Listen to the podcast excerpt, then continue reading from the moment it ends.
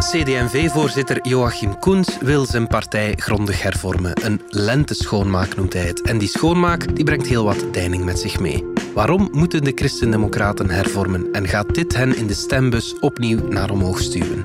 Het is woensdag 21 april. Ik ben Alexander Lippenveld en dit is de podcast van de Standaard.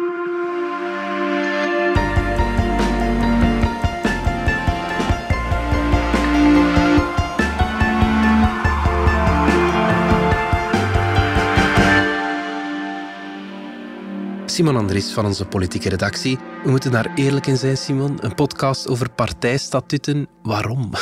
Ja, ik moet uh, zeggen, ik begrijp de sceptisch op het eerste moment. Maar uh, nee, het is eigenlijk echt wel heel belangrijk. Niet per se alleen omwille van die partijstatuten, maar omdat dit eigenlijk het eerste echte moment is waarop dat je ziet dat de nieuwe partijvoorzitter Joachim Koens echt zijn stempel wil drukken op de partij. Onder andere een van de dingen die Koens nu al aanstipt, is dat uh, ja, de partij wat ook bollig geworden is, ook in het gebruik van de termen.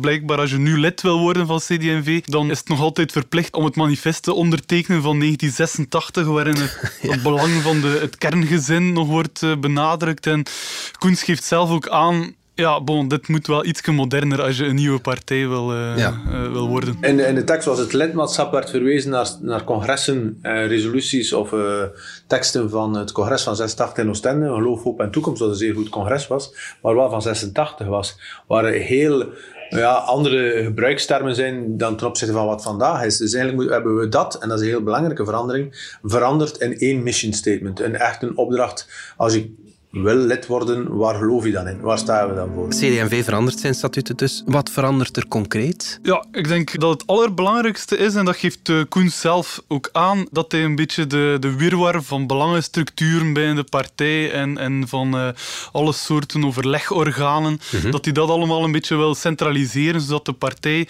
De partij is sowieso kleiner geworden, dus dat hij die partij mhm. ook een beetje slagkrachtiger wil maken. Dat is inderdaad die statutaire wijziging die operationeel organisatorisch is, waar eigenlijk we vooral veel meer de krachten willen bundelen. Er zijn heel veel kottekes en kamers in, in, ons huis en die moeten eigenlijk meer een huis vormen. Of we moeten eigenlijk in wielertermen gesproken meer een peloton vormen, waar alle coureurs wel koersen, maar alleen maar door het samen te koersen. En die verbanden zijn dus nu gemaakt in de statuten. Koen zegt daar zelf ook over dat veel mensen binnen CD&V nog altijd denken dat ze een grote partij zijn, die zich heel veel kan uh, veroorloven en die uh, denkt dat er nog budget is om uh, bijvoorbeeld in CD&V Antwerpen een podcast te gaan maken of zo. Of, of en dan tegelijk in Limburg ook en dan tegelijk in West-Vlaanderen ook. Ja. Terwijl dat Koen zegt, nee, sorry, dat gaat niet meer. We moeten alles nu centraliseren en ervoor zorgen dat we nog een, ja. een scherpe partij blijven. Well, ik denk dat er veel nog, nog leven in het idee dat we een hele grote partij zijn, die zich heel veel kan permitteren om overal verschillende mensen in te zetten op verschillende deelaspecten zonder dat die ergens uh, verband houden met elkaar. En vooral uh, daar dan ook een eigen kracht uit putten, terwijl dat we eigenlijk heel veel aspecten moeten belichamen, geen probleem, maar we de krachten moeten bundelen. Maar was dat niet de kracht dan van CD&V, die sterke lokale basis? Dat wordt toch altijd gezegd? En als je dat gaat centraliseren, zwak je die basis dan niet wat af? Ja, dat klopt. En dat is nu net de moeilijke evenwichtsoefening waar dat Koens ook voor staat. Hij zegt zelf ook van, ik besef het belang van die diversiteit binnen CD&V en van het belang van alle ja, verschillende organen die vroeger CD&V altijd groot gemaakt hebben. Uh, en Zoals de Boerenbond en... en, en, en ja, Vlabeweging.net, ja. uh, Unizo, dus uh, dat, dat zit daar allemaal wel nog in, in die partij. Maar ja, toch ga je ergens als partij, als je weer samen, want nu was het zo'n verscheidenheid, dat er eigenlijk geen, ja, dat je door de bomen het bos niet meer ziet. Een van de manieren waarop hij dat wil doen, is de leden meer inspraak geven. Hè? Ja, klopt. En dat zou wel moeten zorgen voor een nieuwe dynamiek binnen de partij, omdat hij er alleszins voor wil zorgen dat het grote partijcongres mm 60 leden rechtstreeks kan verkiezen in de partijraad. Dus de helft van die partijraad zal dan bestaan uit gewone leden. En die partijraad beslist dan ook nog een keer wie dat er in het partijbestuur komt. Dat is dan een kleinere groep van 40 mensen. En daar zou ook dan de helft van dat partijbestuur gewone leden moeten zijn. En daarbij hoopt Koens ja, dat dat er zorgt voor een beetje ja, nieuwe inzichten uh, niet alleen kijken naar wat vinden die oude uh, standen van de partij, maar wat vinden nieuwe, frisse leden ook nog in dat partijbestuur. Dus dat is een beetje de hoop dat hij daar toch een beetje nieuwe dynamiek kan insteken uh, in de partij. Opvallend is dat dit helemaal niet geruisloos passeert hè, in de partij. Nee, dat was al heel duidelijk. Dus vorige week moest hij die vernieuwde partijstatuten al door de algemene vergadering van het CD&V krijgen. Ja, dat leek op zich nu niet zo'n grote stap te zijn, maar uh, blijkbaar dus wel, want het is daar echt drie uur lang is er langs alle kanten kritiek gekomen, dan vooral vanuit de geledingen. Dat zijn dan de oude geledingen, zoals ja, Jong CD&V, de CD&V Senioren, Vrouw en Maatschappij, Mhm. die allemaal voelen dat ze in die vernieuwde partijstatuten macht verliezen en dat ze ook minder rechtstreekse vertegenwoordiging krijgen. Maar bon, dat is macht afgeven en macht afgeven ja, is Dat is altijd, altijd lastig. moeilijk, hè. hè? Ja, ja. Ja.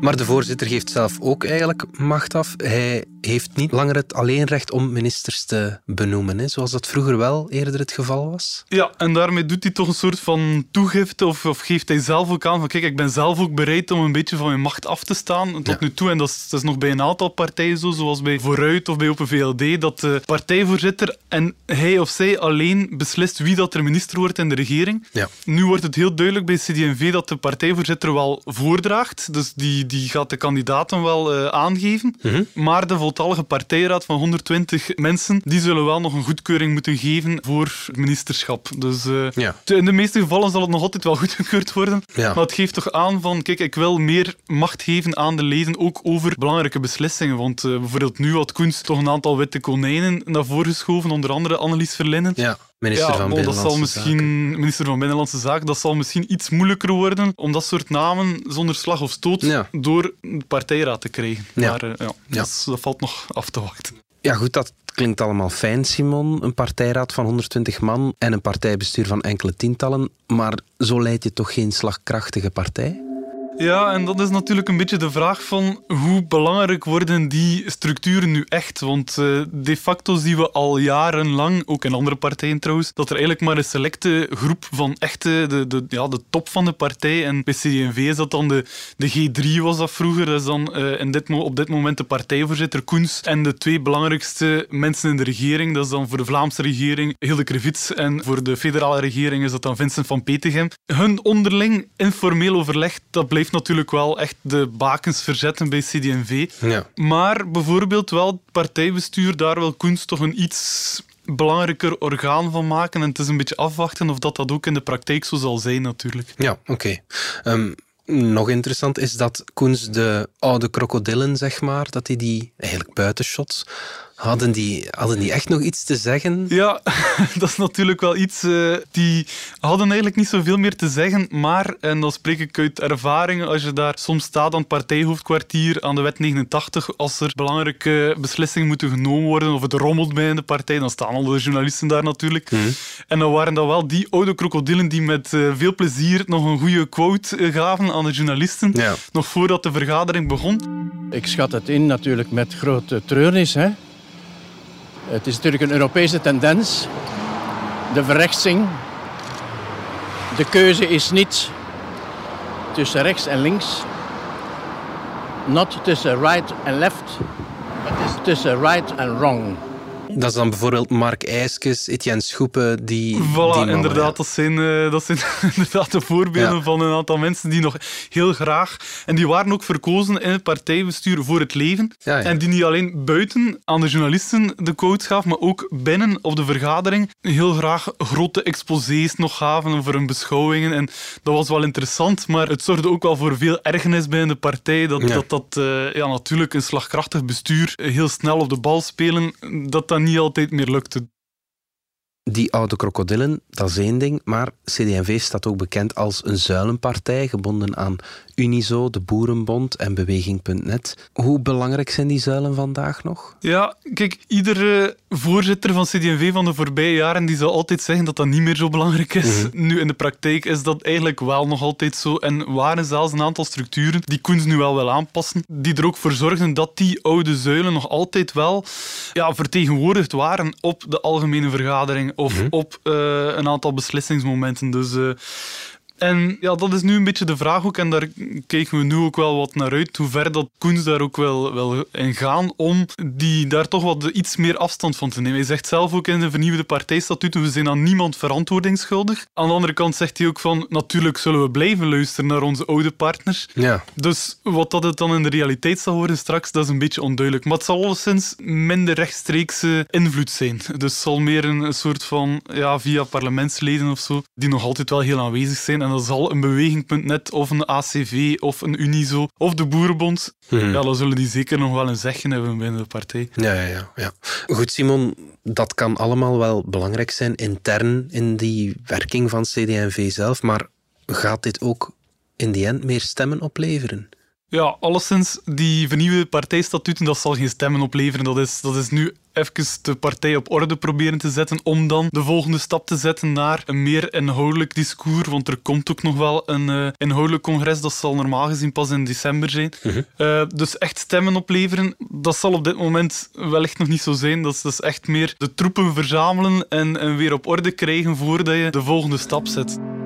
We zijn terug na de reclame. Je overweegt een elektrische of hybride wagen? Luister dan naar Plan Elektrisch Rijden, een podcast waarin actrice en Joe DJ Elke van Mello Ik ben weg. op onderzoek gaat. We horen helemaal niks. Experts van Hedin Automotive, de grootste dealergroep van Mercedes-Benz in België, geven antwoorden op jouw maat. Strikt genomen geef je geen gas, maar stroom, wel, zeg maar gas geven. Luister naar Plan Elektrisch Rijden. Oké, helder. Merci. Je moet eh, weten naar waar dat je koerst. hè. Dus dat is eigenlijk de inhoud en de richting. En daar hebben we een, met een tiental werven die gebaseerd zijn op het kerstmanifest. Het traject nu gestart om uit te monden in het congres in december, die echt over de inhoudelijke vernieuwing gaat. Wat verwacht je dan van die inhoudelijke vernieuwing? Wel, daar had Koens eigenlijk al een klein beetje tipje van de sluier opgelegd met zijn eh, kerstmanifest dat hij eind vorig jaar ook al had eh, geschreven en naar buiten gebracht. Dat moest sowieso de basis zijn voor eh, die vernieuwing. En daar hamert hij eigenlijk vooral op duurzaamheid, kleinschaligheid. En daar voel je ook wel dat ze bij CD&V alleszins een beetje de kant, meer de groenere kant weer willen opgaan. Maar dat dan gecombineerd met eh, meer de rechtsere, conservatievere kant. Want Koens zegt ook in zijn kerstmanifest dat we moeten opletten van de vervreemding in de maatschappij en dat, dat alles nog herkenbaar moet blijven. Eh, en Ja. dan zit je natuurlijk ook weer aan een aantal rechtsere thema's, waar dat CD&V dan ook nog altijd het eh, verschil op wil maken. Dus ja, dat je voelt dat CD&V puur inhoudelijk meer die groen-rechtse kant op wil. Dat is in de ogen van Joachim Koens het gat in de markt. Groen rechts. Ja, hij voelt inderdaad, daar denkt hij inderdaad wel dat hij eh, het gat in de markt kan vinden. Dus dat daar inderdaad nog, dat hij ziet ook in de, de landen rond ons dat die duurzaamheid, die, die groene standpunten, dat die wel aanslaan.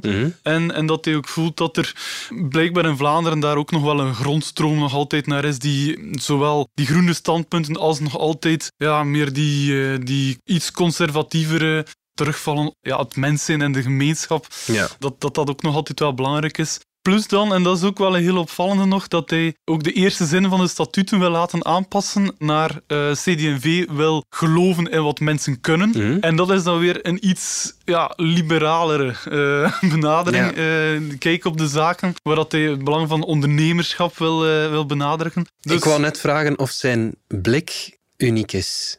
Maar je zegt daarmee eigenlijk dat het een samenraapsel is van verschillende visies. Klopt dat?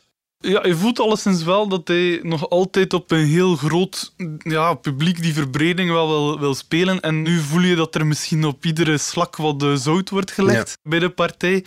Maar dat niet duidelijk is van, ja, waar staan jullie nu echt voor? En, en maak nu een keer de keuzes, want er zijn genoeg partijen die wel een heel duidelijk op een heel duidelijk thema zich profileert.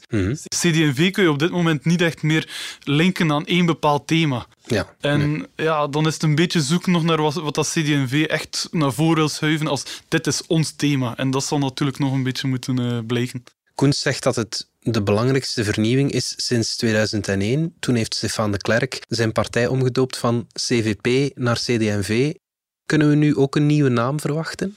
Ja, ik zou het uh, zeker niet durven uitsluiten. Hij heeft er zelf ook al uh, op gealludeerd dat dat zeker een mogelijke optie is. Mm -hmm. uh, voorlopig blijft alles daar redelijk binnenshuis over wat dat, de ideeën zijn daar rond. Maar ik zou het zeker niet uitsluiten mm -hmm. dat ze straks inderdaad met een nieuwe partij meer aan het einde van het proces, ja, dat er wel een nieuwe naam komt. Maar de naam van een kunstencentrum zal het waarschijnlijk niet, niet worden. ik ben ook heel benieuwd. Maar, en ook trouwens heel belangrijk of dat de C van het christelijke nog altijd in de naam zal zitten. Want dat is toch ook iets wat dat binnen de partij wel leeft. Ja? Zal die C nog in de naam zitten of niet? Oké. Okay. Maar bon, dat is een beetje af te wachten. Ja, ja, ja. Een eventuele naamsverandering, een verandering van heel je werking eigenlijk, dat doet wel heel erg denken aan de hervormingsoperatie die Conor Rousseau nu opgezet heeft. Hè? Vooruit. Dat wordt een progressieve, socialistische beweging die op een nieuwe manier aan politiek zal doen. Die luistert naar wat er leeft onder de mensen. Die gaat naar waar de mensen zijn die samen met hen de problemen van vandaag aanpakt. Met onze onverwoestbare ideologie als leidraad, maar wel met een frisse en open geest en met twee voeten in de 21ste eeuw. Ja, absoluut. En ik denk dat beide vernieuwingsoperaties ook wel wat gelijk lopen nu op dit moment. Alleen merk je dan, en dat wil ik direct ook wel benadrukken, dat uh, bij Conor Rousseau, die trouwens ook nog wel wat, uh, zeker inhoudelijk nog wat werk aan de winkel heeft, mm -hmm. maar dat daar alles iets vlotter gaat, omdat je daar voelde, SPA voelde dat nu echt wel 5 voor 12 was en dat er iets moest veranderen. De partij was echt te ver aan het wegzakken. En bij CD&V zit dat toch net iets anders, omdat daar nog heel sterke burgemeesters staan. Die voelen zich lokaal ook uh, onaantastbaar. Dat, uh, er zijn ook een aantal burgemeesters die onaantastbaar zijn. -hmm. uh, ze zitten nog in twee regeringen. Er zijn nog een aantal parlementsleden, ook van de oude, ja, meer van de oudere garde, waar dat de urgentie eigenlijk minder leeft dan dat nu bij SPA of vooruit nu het geval was. Het is natuurlijk logisch als je nog altijd belangrijke ministerposten hebt, zoals binnenlandse zaken, welzijn, ja, dan heb je niet het gevoel dat er iets verkeerd gaat. Hè? Dan is je invloed nog altijd heel erg groot. Ja, klopt. En zolang dat de CD&V ook overal nog aan de knoppen zit, voelt die partij ook nog altijd van mm. er is eigenlijk niets veranderd. Maar de facto is er veel veranderd hè, bij CD&V, want mm. de partij is al jaren stevig achteruit aan het gaan in de, ja, bij de verkiezingen. En voorlopig ook in de peilingen is er niets dat erop wijst dat ze nu een grote sprong voorwaarts zullen maken. Dus er moet wel iets veranderen binnen de partij als ze weer uh, aan willen aanknopen met de, met de grote verandering. Alleen inderdaad, die urgentie binnen de partij is nog niet zo groot als dat er bij SPA en vooruit wel was. Heeft de partij de kopstukken om dat te doen, om, om opnieuw aantrekkingskracht te hebben? Wel, dat is alleszins al een eerste stap geweest van Koens, waar dat hij toch een aantal mensen heeft mee verrast, is de aanduiding van de, van de ministers in de, mm. in de federale regering. Daar heeft hij toch zijn best gedaan om, uh, bijvoorbeeld met een wit konijn, Annelies Verlinde, minister van Binnenlandse Zaken, die nu ook wel in de coronacrisis ook wel heel wat uh, zichtbaarheid krijgt. Mm. Uh, misschien niet altijd met de meest gemakkelijke thema's als het mm. gaat over handhaving van de coronamaatregelen. Maar bon, die is wel zichtbaar. En ik geloof er ook nu meer dan ooit uh, in het momentum waarin dat het land en de wereld zich bevindt, dat een christendemocratisch verhaal het enige juiste verhaal is voor een, uh, een antwoord op alle uitdagingen. Dan zit je ook met uh, Sami Medi op asiel en migratie, toch ook een thema waar CD&V heel graag ook wat zwaarder op wilde wegen. Dus dat daar ook wel een jonger en frisser gezicht zit. Het is een hele eer om het land te mogen dienen. Maar ik kijk vooral uit naar morgen en de, de dagen die gaan komen, omdat er echt wel heel hard gewerkt gaat moeten worden. En daarom dat ik ook niet te lang hier ga blijven, straks mijn bed in kruip, om morgen uh, hard te kunnen werken. En dan is tot slot ook nog iemand die misschien nu bij het grote publiek nog niet echt veel bekendheid heeft. Dat is dan nogthans de belangrijkste uh, CD&V-minister en vicepremier Vincent van Petegem. Mm. Maar die wordt voor CD&V wel heel belangrijk naarmate dat einde van de legislatuur uh, zal vorderen en mm. dat er belangrijke beslissingen zullen moeten genomen worden over de financiën, want hij is ook minister van ja. Financiën, over financiën, over begroting. Ik had het uh, ook graag voorzitter geweest, maar nu natuurlijk dat deze uitdaging er is, kan ik natuurlijk neem ik die met twee handen aan. Over ja, hoe zullen we al de schulden die we gemaakt hebben, ja, hoe zullen we die als land nu weer gaan rechttrekken? En dan hoopt CD&V dat, dat hij daar ook wel mee een beeld van de partij kan... Uh... Kan, je, kan je daarmee scoren? Met de persoon die de financiën op orde zet? Ja, bon, de, een boekhouderstype misschien ook een beetje, ja. Ja, het, is, het zal niet gemakkelijk zijn, maar het is wel een thema die CD&V wel altijd graag, ook nog ten tijde van de Hanen, zo de partijen zijn die, die zegt van kijk, het is nodig voor onze kinderen, wij denken aan de lange termijn. Dus het is, het is geen gemakkelijk thema, maar het is wel een thema dat op zich wel op het CD&V-lijf geschreven staat. En ja. ja. dan is nog maar de vraag hoe ver dat ze daar inderdaad zullen kunnen gaan. Gaan. Want uh, het is natuurlijk ook niet de meest evidente regering. Met onder andere een PS vooruit. Mm -hmm. Uh, dus als CD&V daar straks zal moeten, ja, als ze daar inderdaad het verschil op willen maken, dan uh, dat wordt nog een, uh, een harde dobber mm -hmm. voor Van Petegem. Mm -hmm. ja. Tot slot, Simon, heeft CD&V nog een toekomst? Ja, dat is echt een een heel moeilijke vraag om te beantwoorden. Mm. De partij is natuurlijk al een tijdje ja, niet meer echt in de winning mood. En uh, heel interessant is ook wel ja, dat de partij ook vroeger al een paar keer is afgeschreven geweest. Ja. Uh, was toen ook op, uh, ja, op sterven na dood. Ook, en Koens maakte de vergelijking zelf met 2001. Mm -hmm. Toen zei Stefan de Klerk ook dat het een kwestie van overleven was. De vernieuwingsoperatie toen heeft ook niet onmiddellijk iets opgebracht. De verkiezingen van 2003 waren ook nog altijd heel slecht voor de partij. Mm -hmm. En eigenlijk hebben ze toen een beetje de, ja, de doop moeten uh, gebruiken van NVA, het kartel dat uh, Yves Leterme toen met NVA heeft gesloten, om plots toch weer die grote percentages te halen. Ja. Maar we weten allemaal dat het eigenlijk van, kort, uh, ja, van korte duur was, mm -hmm. die opflakkering. Dus het is maar de vraag of dat CD&V nu toch weer kan aansluiten met boven die 20%. Ja, dat wordt een hele moeilijke, maar het wordt interessant om te, te zien wat dat ze gaan doen. Absoluut. Goed. Simon Andries, dankjewel. Graag gedaan.